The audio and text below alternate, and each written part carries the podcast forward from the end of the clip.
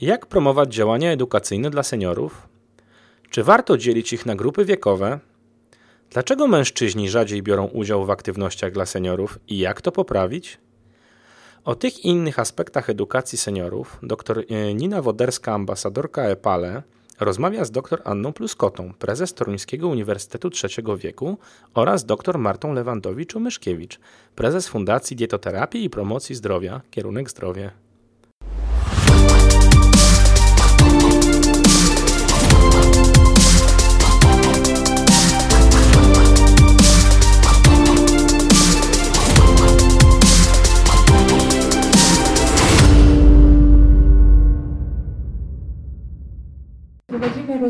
Która będzie dotyczyła naszego e, dzisiejszego tematu seminarium, jak uczyć tych najbardziej doświadczonych i w ramach e, spotkań EPALE e, porozmawiamy z praktykiem i naukowcem i dlatego serdecznie zapraszam Panią Annę, doktor Panią Annę Pruskotę.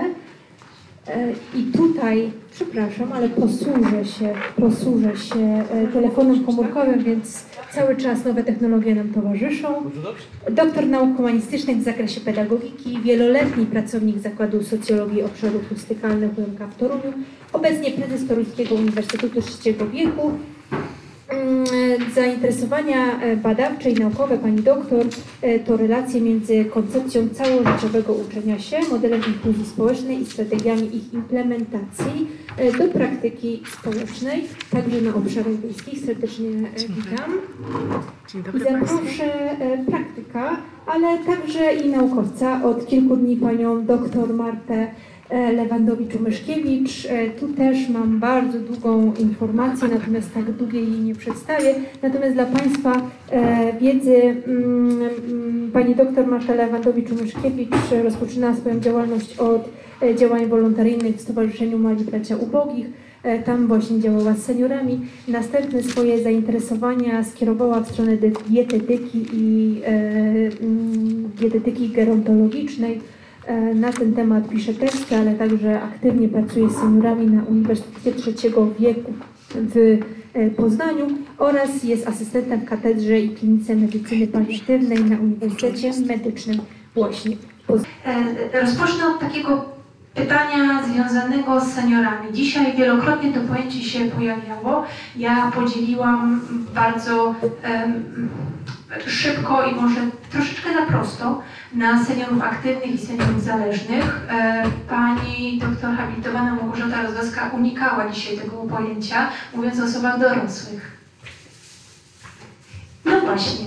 I teraz mam pytanie co do tych seniorów. E, samego pojęcia seniorów. Czy łatwo e, je zdefiniować, czy będziemy mieli jakiś problem? Czy w ciągu tych kilku minut możemy się tego podjąć? No bo czy jesteśmy w stanie scharakteryzować tak e, tą, szybko tą grupę e, społeczną? E, czy będzie to łatwe zadanie? Pani Anno, gdyby mogła Pani z perspektywy naukowca spróbować to zrobić, a jeżeli nie, to na jakie elementy powinniśmy zwrócić uwagę? Dzień dobry Państwu.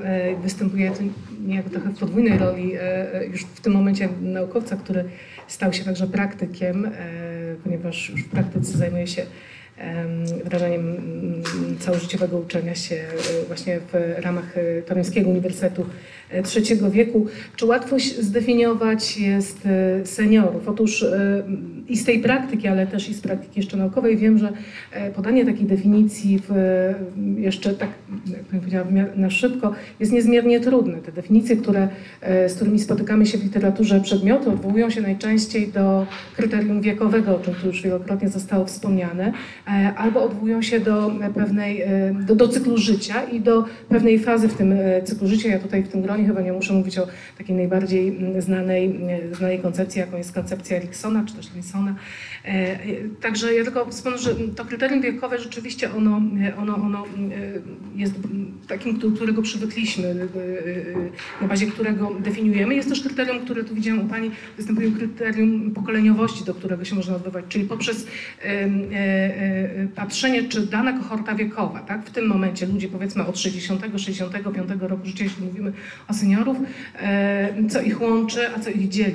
Natomiast jeśli chodzi o samą definicję, ona jest dlatego trudna do podania, ponieważ seniorzy, współcześni seniorzy jest to grupa, jest to, jest to zbiorowość, która jest niezmiernie wewnętrznie zróżnicowana. To już nie jest e, homogeniczna zbiorowość, chociaż zapewne odwołując się do tego kryterium pokoleniowości łączy je znaczące przeżycie pokoleniowe, e, czego już nie można powiedzieć w odniesieniu, e, definiując ludzi młodych. I jest to jedno, jedno drugie kryterium, tak? kryterium pokoleniowe, kryterium wiekowe. Mm, tekst, z tego, co spotkałam się w literaturze przedmiotu, szczególnie tej zachodniej, odwołuje się też do, takiego, do mm, podziału odwołującego się do zróżnicowania mm, tej, tej, tej, tej zbiorowości i, e, i dzielenia, dzielenia ich na tak zwanych młodych starszych, e, starzy starzy oraz najstarsi starsi. Tutaj tak co 5 lat mniej więcej te granice przebiegają, czyli od 60-65 roku życia do 74 to są tak zwani młodzi starzy i, i teraz ta kategoria starzy starzy, która no nie, brzmi, nie brzmi najlepiej, to są osoby w wieku 60, 60 e, przepraszam, od, od 75 roku życia do 84 mniej więcej no i najstarsi starzy bądź też mm, mm, długowieczni, też można się z takim określeniem spotkać, to są osoby w wieku 85 lat i więcej i to kryterium zależności także jest często przywoływane. To z mojej strony tyle. Pani Marto, Pani na co dzień pracuje z seniorami. E, gdy ja, ja, ja, też mam takie kontakty, więc na przykład gdy opowiadam mojej rodzinie o tym, jak pracuję z seniorami i wtedy e, na przykład e, moja mama pyta, z seniorami, czyli ile mają lat? No to opowiadam właśnie, no już ostatnio z panią, która miała powiedzmy 63, no i mama, moja mama akurat ma 63 mówi, no jak to, no to nie senior, nie pracowałaś z seniorem, no przestań. E, więc e, pytanie, jak sami siebie seniorzy oceniają? Czy, czy to pojęcie jest dla nich drażniące, czy, czy raczej je akceptują? Jak sami, jak sami siebie określają? To znaczy to... Za... Proszę, ja może przekażę. Nie, jednak nie działa. Nie chcę pracować. To znaczy to zależy tak naprawdę mm, od tego, o co pytam seniorów. Gdy ich zapytałam e, któregoś razu na wykładzie, e, czy uważają, że oferta senioralna powinna być rozłączna, właśnie to zaproponowałam 85 i od 85 w górę. No to najpierw e, były odpowiedzi, no że tak, generalnie jednak różnią się między sobą i powinni brać udział, korzystać z różnych atrakcji e, niezależnie jakby tutaj. E, natomiast e, jak zapytałam panią, która ma 86 czy 7 lat, mówię, dobrze pani Ganiu, no ale to w takim razie pani by należała do tej drugiej grupy, tej 85 plus do 90 no to stwierdziła, że jednak jej to by nie odpowiadało i że nie chciałaby e, tak znacząco odbiegać od swoich młodszych rówieśniczek, więc to zależy tak naprawdę i powiedziałam wówczas, że punkt widzenia zależy od punktu siedzenia, że z jednej strony ona uważa, że ci starsi powinni być ze starszymi, ale sama czuje się na tyle młodo, że nie chciałaby być tak traktowana. E, więc to było dość ciekawe doświadczenie, bo najpierw, tak jak mówię, e, była gdzieś tam propozycja tej rozłączności. Natomiast czy seniorzy sami chcą nazywać się starymi? To też bardzo zależy. Na pewno łatwiej jest to przełknąć z mojego doświadczenia kobietą niż mężczyzną. E, mężczyźni odnoszę wrażenie, że mają z tym większy problem i raczej nie chcą się utożsamiać ze, z jakimś bardziej zaawansowanym wiekiem seniorką. Także oni tutaj myślę, że mają z tym, tak z doświadczenia mojego troszkę większy problem, co wynika z faktu między innymi myślę, że jest ich e, jednak nie jest to tak liczna grupa, nie tak bardzo gdzieś tam społecznie zaangażowana e, i trudniej niekiedy im tą starość jest przyjąć po prostu. Natomiast patrząc nawet na poradnię geriatryczną, w której pracuję, no, heterogeniczność jest ogromna. My mówimy od, e, o pułapie od 60 tak naprawdę, gdzie już można być pacjentem poradni geriatrycznej, do 90 latków, których też mam. I to są e, osoby, które przychodzą często rodzić ze swoim dzieckiem. I obydwie osoby są już po prostu pacjentami, odbiorcami usług geriatrycznych. I to wygląda trochę dziwnie. To jest troszkę jednak faktycznie gdzieś tam bardzo, bardzo wskazuje na różnorodność. E, I niektóre, doszliśmy do, do, do wniosku z moimi seniorami, niektóre usługi, niektóre um, zajęcia, jakieś, jakieś wykłady czy spotkania powinny być rozłączne, natomiast docelowo, e, tak jak mówię, gdzieś trzeba by było spersonalizować tą ofertę. Mhm. E, dziękuję, dziękuję, że e, wspomniała Pani o, o mężczyznach, bo chciałabym zwrócić się w kierunku sposobów zaangażowania seniorów, także i mężczyzn.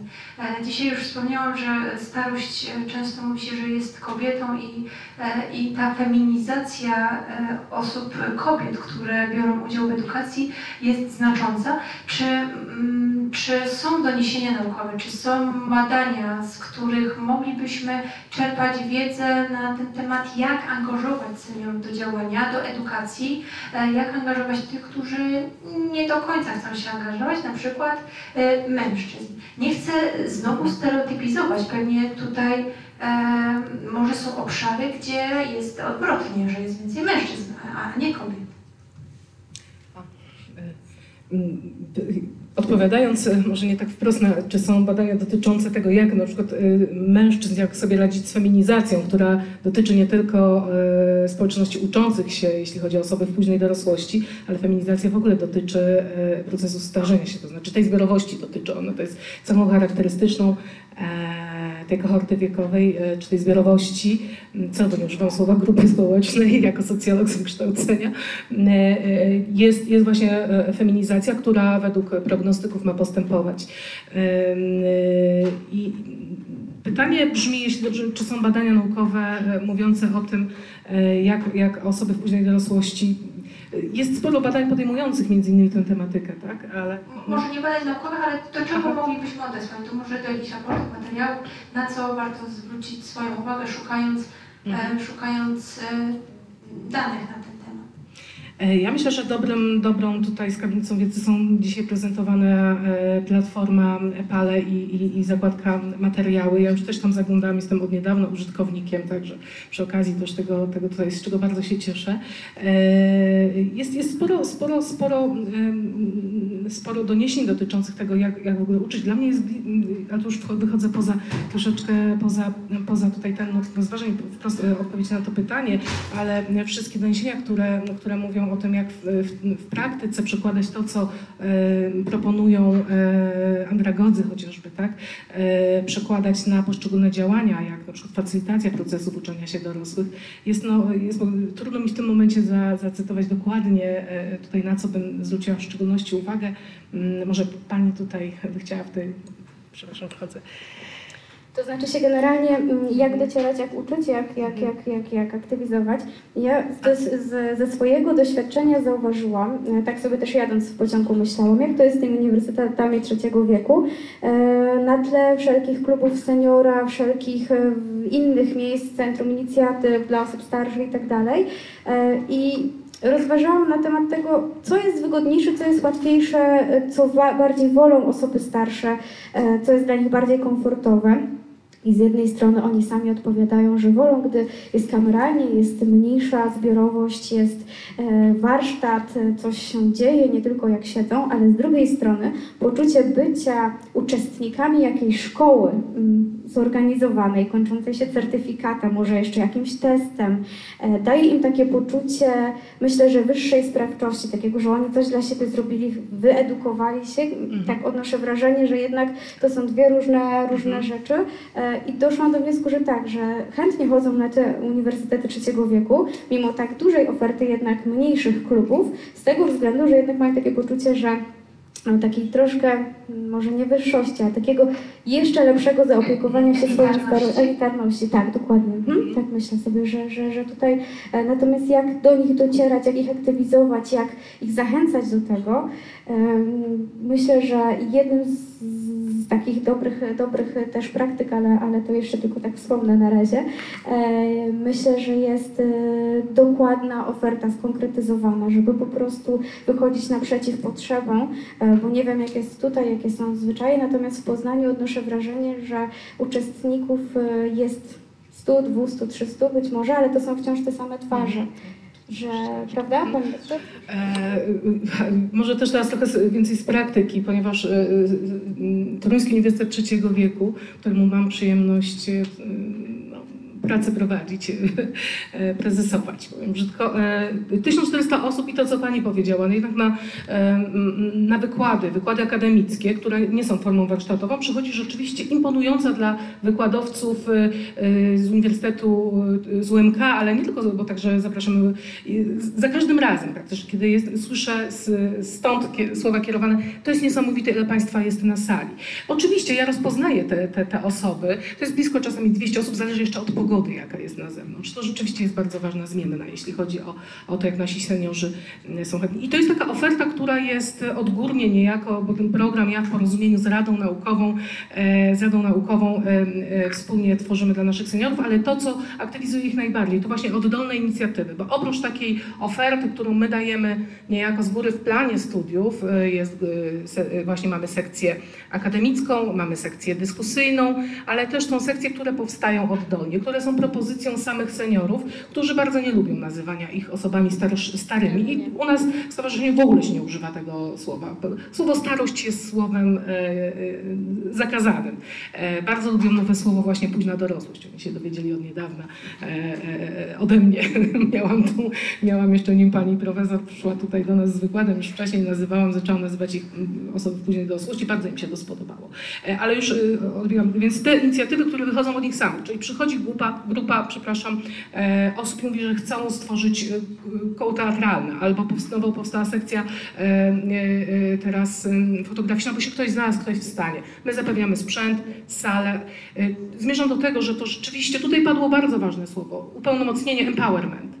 Myślę, że metero to jest bardzo ważne słowo w aktywizowaniu, ale oczywiście osób, które są gotowe do aktywności. Gorzej jest z tymi osobami, które są bierne. Zdecydowanie łatwiej dla nas, dla facylitatorów, e, nie edukatorów, tak bym nazwała siebie dla facylitatorów e, edukacji e, dorosłych, czy też uczenia, uczenia się dorosłych jest właśnie to, o czym przed chwilą powiedziałam, że łatwiej jest zaktywizować osoby już aktywne i mające predyspozycje do tego, dużo trudniej jest zaktywizować i wyciągnąć z domu w tę część, która tutaj tak był jeden ze startupów siedzi i ogląda seriale. To jest, ale to jest oddzielny pewnie problem, który nie chciałam w tym momencie pewnie poruszać, pewnie bo będzie poruszany.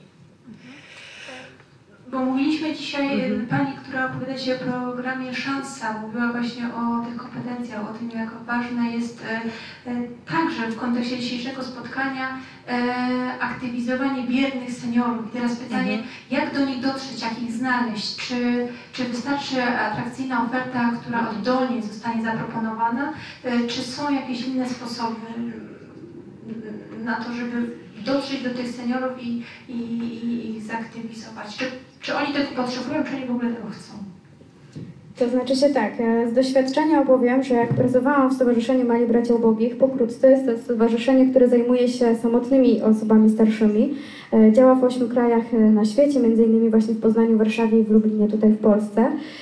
To Celem naszym tak naprawdę jest właśnie aktywizowanie tych nieaktywnych, dotarcie do tych, którzy są samotni, ale którzy y, o tej samotności nikomu nie mówią. Jednym z naszych pomysłów było, było dotarcie do sąsiadów. Swego czasu wpadliśmy na pomysł, ażeby y, wkładać do skrzynek pocztowych listy y, z, o treści Drogi sąsiedzie, czy wiesz, że obok ciebie może znajdować się samotna osoba? E, wyjdź, zobacz, zastanów się, czy nagle osoba, która codziennie kupowała jakaś starsza osoba na ryneczku, nie wiem, jajka, to co się z nią stało, tak? Czy ona nadal jest? Zainteresuj się.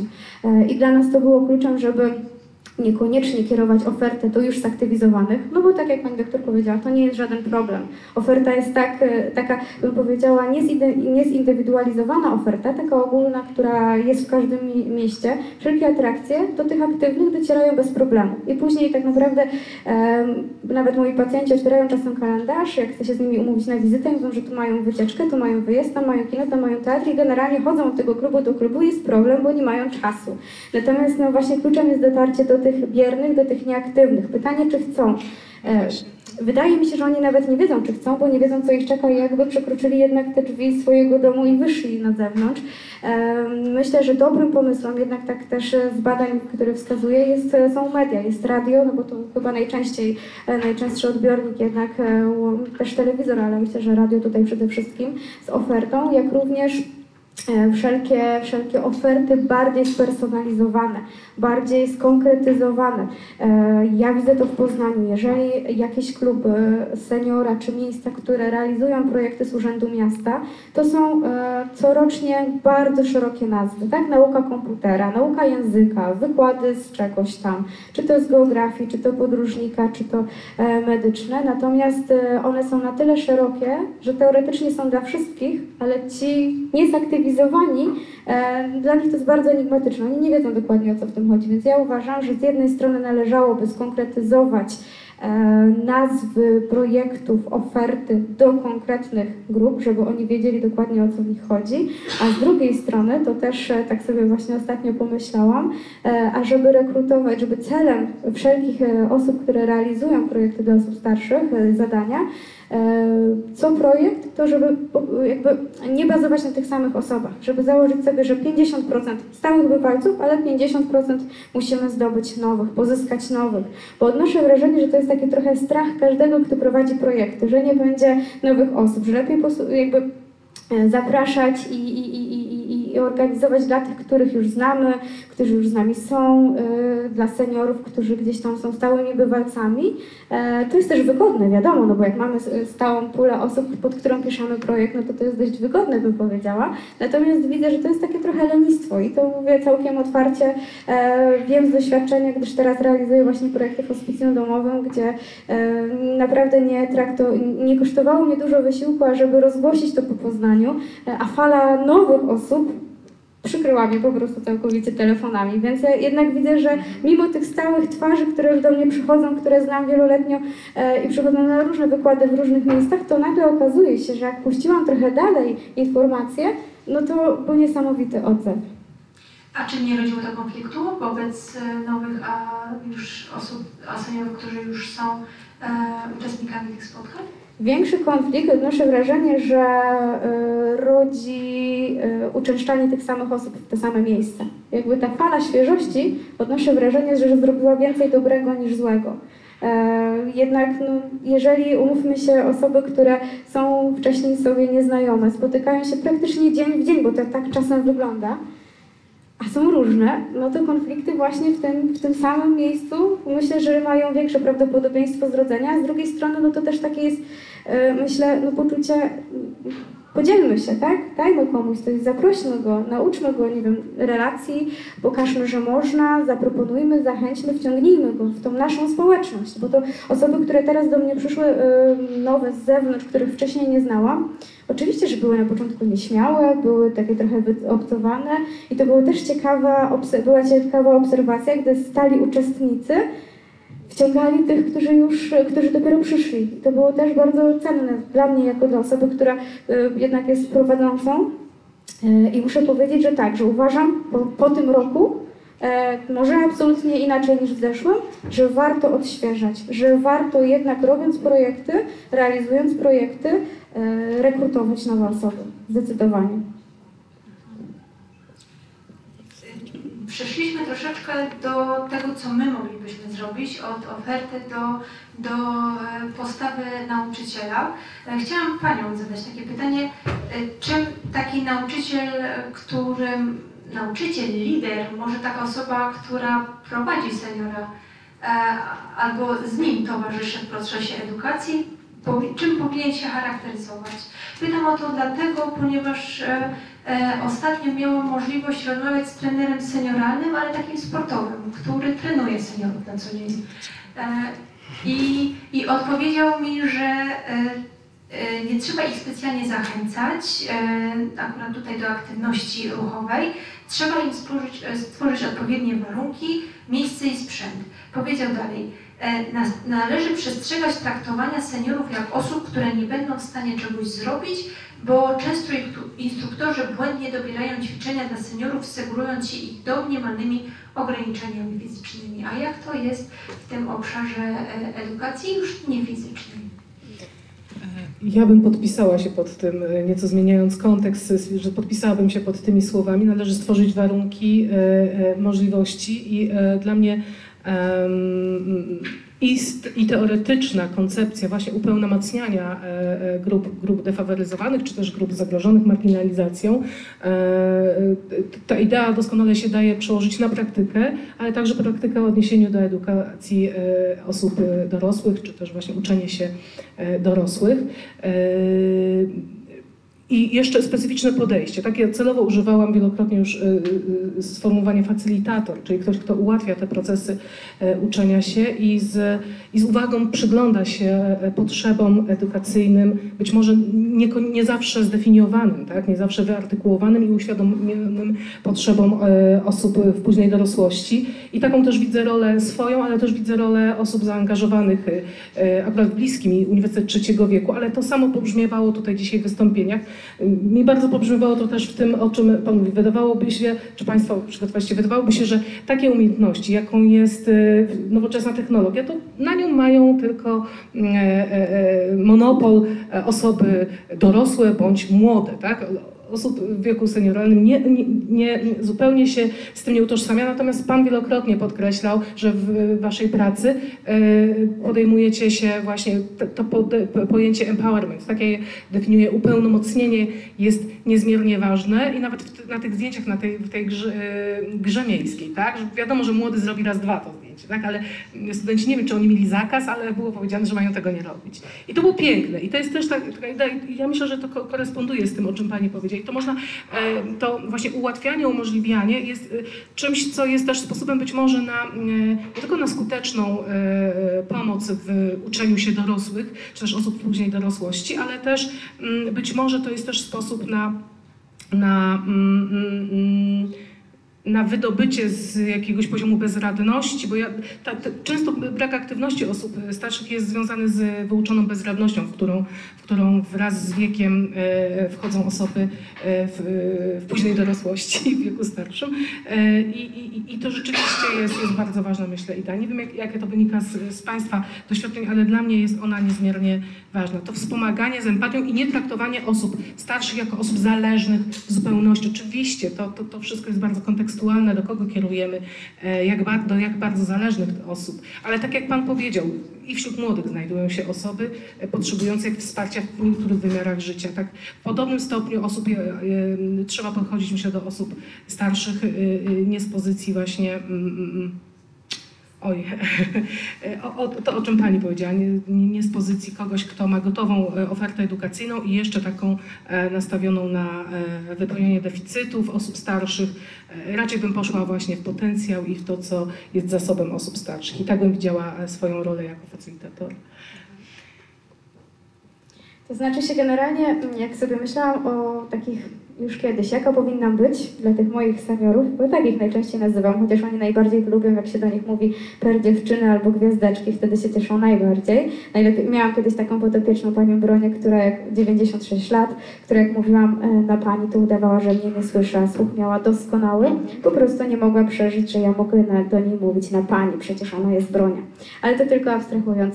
Jeśli chodzi o cechę takiego idealnego, bym powiedziała, czy lidera, czy nauczyciela osób starszych, to myślę, że poza wrażliwością, poza empatią, poza mówieniem donośnym głosem, to też jest ważne, to widzę często ze studentami, którzy um, przyjmują w poradni wraz ze mną pacjenta. Dwa razy senior poprosi pacjent o to, żeby mówić do, donioślejszym głosem, za trzecim razem po prostu już nie prosi, już nie słucha, już, już, już, już jakby, więc to są pewne cechy, których trzeba się nauczyć. Natomiast myślę, że w pracy z osobami starszymi ważne jest e, niezapominanie o sobie. To nie jest łatwa praca. E, to nie jest łatwa praca i myślę, że osoba, która realizuje wszelkie usługi dla osób starszych, musi pamiętać o sobie, o swoim komforcie, o swojej higienie psychicznej, o tym, żeby się nie wypalić, bo nie jest to niekiedy e, trudne, żeby się wypalić, o tym, żeby e, zostawić za drzwiami swoje życie, gdyż e, nie znam, a pracuję z różnymi osobami jako dietetyk, e, to tak naprawdę od noworodka do osób e, starszych, nie znam innej grupy, która by była tak wrażliwa na sygnały typu spojrzenie na zegarek, na telefon, e, jeżeli ja jej poświęcam czas, to jest to czas dla niego, dla niej i dla mnie. To jest nasz wspólny czas e, i myślę, że to jest bardzo, bardzo ważne w pracy z osobami starszymi, niezależnie co mówimy, czy mówimy e, wykłady na Uniwersytecie Trzeciego Wieku, czy, czy, czy jesteśmy sam na sam i siedzimy u tego naszego podopiecznego w domu. Ważnym jest poświęcenie czasu i taka myślę, że uważność. Bo nawet jak będziemy mówić niesamowicie ciekawe rzeczy, ale będziemy roztargnieni spoglądać na zegarek, to jest to grupa, która ma naprawdę szósty zmysł w tej kwestii e, i niesamowicie wyczuje nasze poddenerwowanie, że nam już się spieszy. Myślę, że to jest jedna z takich cech, na które bardzo są wrażliwi e, seniorzy, to właśnie na nasz czas, na to, że jeżeli jesteśmy, to jesteśmy dla nich, na nich się teraz skupiamy, e, bo oni nam dają swój czas, więc tego też od nas jako nie, niejako oczekują.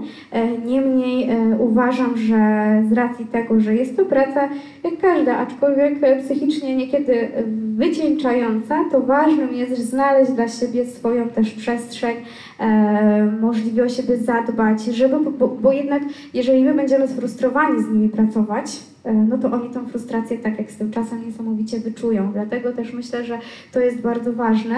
E, natomiast w nawiązaniu jeszcze, bo tutaj jak pani doktor mówiła, robią sobie pętelki na palcu, bo chciałam o wszystkim powiedzieć, żeby nie zapomnieć.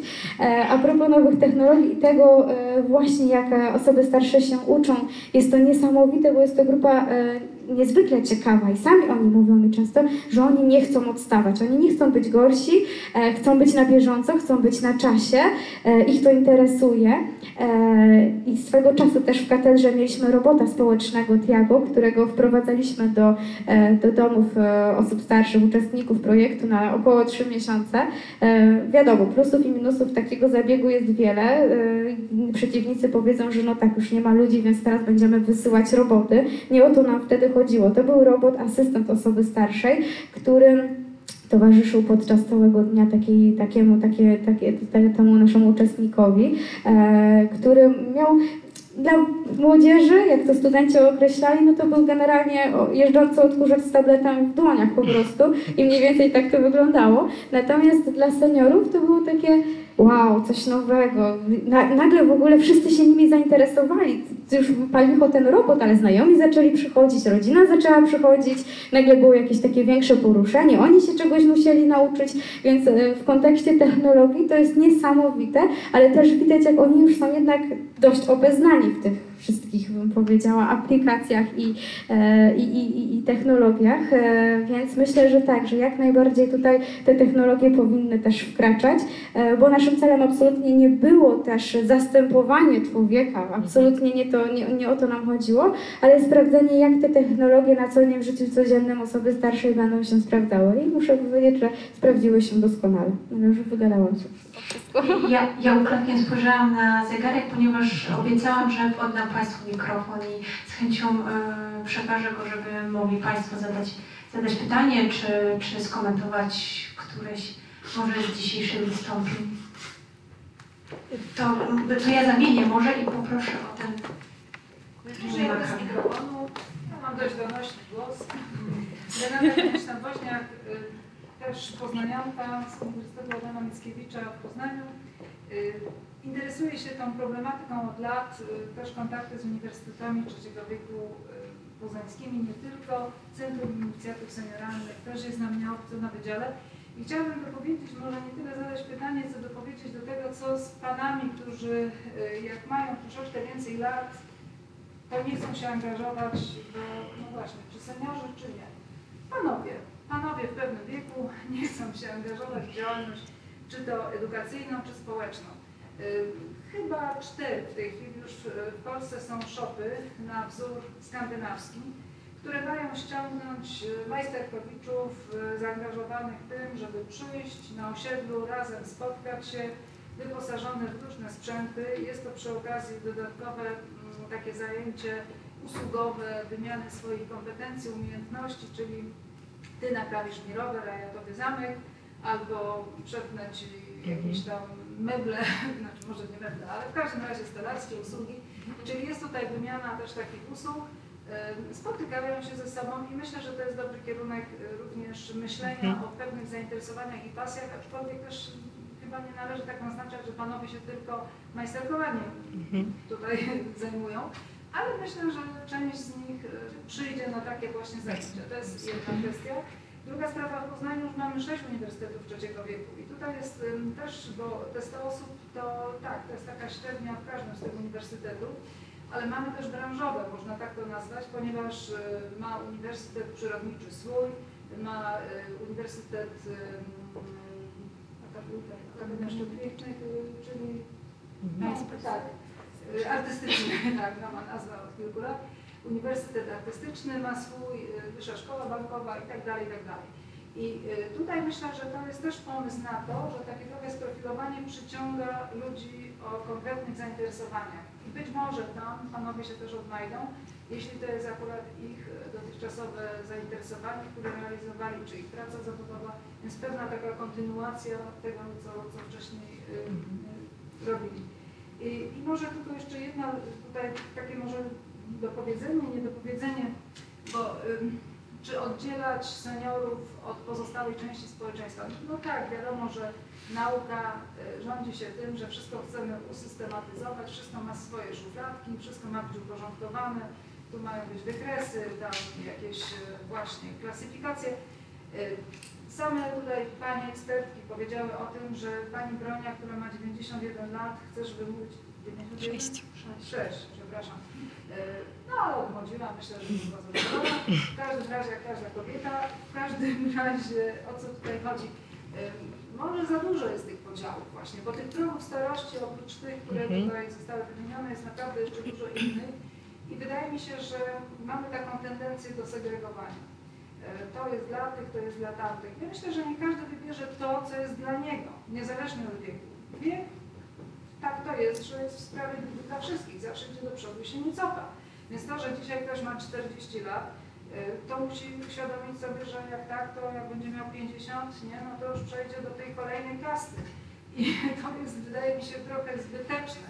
Takie ciągle podkreślanie, jaka to jest kategoria wiekowa. Człowiek, no mówię, z racji medycyny, mhm. tak, zajęć sportowych, trenerów osiedlowych, bo przecież tutaj y, te projekty obywatelskie w Poznaniu już po raz drugi zostały właśnie wybrane y, dla aktywizacji w tej sferze takiej sportowej. Bardzo dobrze i tam, gdzie trzeba, to to trzeba robić. Natomiast takie mm, podkreślanie, ja myślę, że sami seniorzy dają nam, ja używam teraz tej kategorii seniorzy, ale dają nam wszystkim znak, kiedy z nimi pracujemy, że to jest pani właśnie Bronia, to jest pani Renata, a to jest pani Jadwiga i pan Andrzej i tyle. I wydaje mi się, że to jest chyba taki kierunek działania, który jakoś uspokoi te napięcia międzypokoleniowe, również tym bardziej, że jakbyśmy tak patrzyli, to kto y, tym seniorem dzisiaj jest? Baby boomers, y, już y, po części pokolenie X-ów, za chwilę Y wejdą do pokolenia seniorów, jeśli przyjmiemy, że to jest 50 lat na przykład. No, jak się zacznie już za chwilę odmierzać, to za ile lat kolejna znowu, kolejne pokolenie znajdzie się w tej grupie. Y, ja w ogóle bardzo się cieszę, że tu jestem. Mogę tylko Tak? Tak, ja jeszcze chciałam, też przyszło mi do głowy, że w Poznaniu mamy tak zwany zakład i tam jest taka przestrzeń, gdzie można wspólnie takie majsterkowanie zrobić. Jeżeli ktoś nie ma szlifierki, to tam, tam będzie mógł ją znaleźć, bo ktoś umie szlifować, także taka przestrzeń też jest i można się tego nauczyć i kobiety i mężczyźni z tego korzystają bez podziału. Mhm. No właśnie to jest niesamowite, e, takie usługi czy, czy, czy miejsca, gdzie panowie mogą się spotkać. Jak ja z kolei zapytałam się pań, dlaczego ich mężowie, partnerzy nie przychodzą, to usłyszałam, drodzy Państwo, e, odpowiedź, że oni się lepiej czują w towarzystwie młodszych kobiet, że im ciężko się identyfikować równoletnimi kobietami. To dla mnie, to nie była jedna osoba, która to powiedziała. Ja zaczęłam już pytać później większą rzeszę kobiet, czy faktycznie tak jest. Bo ja byłam w szoku, jak pierwsza kobieta tak powiedziała, ale później faktycznie, że oni wolą zajęcia, na których są młodsze kobiety. Ja nie mówię, że kobiety dwudziestoletnie, ale po prostu, które jest ich trochę odmłodzą, że jak mają przychodzić ze swoimi żonami, to do tych koleżanek, żon, które są w około wieku, wieku tych mężów, e, mężczyzn, no to, to usłyszałam, że, że nie, że oni by woleli gdyby to było, bo nikt, jakby, kolej, jakby konsekwencją tych zdań było to, że nie chcą się utożsamiać ze starością w taki sposób. I to mnie zaskoczyło, jakby sama bym nie wymyśliła tej odpowiedzi, to tylko i wyłącznie e, jest odpowiedź e, jednak osób starszych, moich seniorów, no bo to jednak oni mają najtrafniejsze odpowiedzi na pytania dotyczące ich, jakby nie było. E, Więc tak, więc e, ja jak zapytałam, dlaczego nie ma panów, gdzie oni są wszyscy, chociaż z drugiej strony e, na Medycznym Uniwersytecie Trzeciego Wieku, on w sumie działa od września, e, widzę, że jeżeli te, te, tematyka jest typowo e, dotycząca zdrowia, starzenia się, starości i tak dalej, to tych panów jest jednak zdecydowanie więcej niż widziałam kiedykolwiek gdzie indziej. Więc to jest taka, no, takie nowe, świeże spostrzeżenie. E, Anna Kławsiec-Zduńczyk, Wydział Nauk Pedagogicznych UNK. Mam pytanie do Pani Marty Lewandowicz. E, Powiedziała Pani, że e, zdecydowała się w tym roku na rozszerzenie dotarcia do szerszej grupy seniorów. Ja bym chciała zapytać konkretnie, jak Pani to zrobiła, znaczy technicznie, jak Pani dotarła, jakimi sposobami, jakimi kanałami, no bo rozumiem, że z sukcesem. Tak, tak, Nie, nie, proszę, on jest długi. Tak, on jest długi? Dobrze. Generalnie jak to zrobiłam? Poruszyłam e, przede wszystkim, e, odbyłam rozmowę z moimi seniorami, powiedziałam, że te projekty ruszają i że zależałoby mi, żeby każdy z nich rozejrzał się wokół siebie i przeprowadził koleżankę czy kolegę. E, I faktycznie teraz przychodzą parami, nawet na wizyty muszą chodzić razem, więc to było pierwsze, że po prostu zasięgnęłam u źródła, poprosiłam żeby, żeby zainteresowali się, żeby wyciągnęli tych, którzy się wyciągnąć nie dadzą. E, Drugim miejscem e, było skorzystanie z Centrum Inicjatyw Senioralnych, gdzie e, w Poznaniu dość prężnie funkcjonuje. Poprosiłam o wrzucenie e, mojej propozycji, mojej oferty do tak zwanej tytki seniora, na którą każdy senior co miesiąc czeka.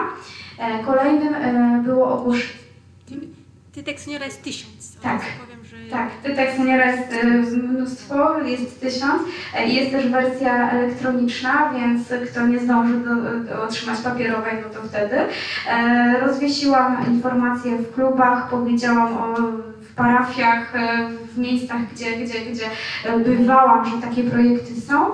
No i internet przez, przez Facebooka.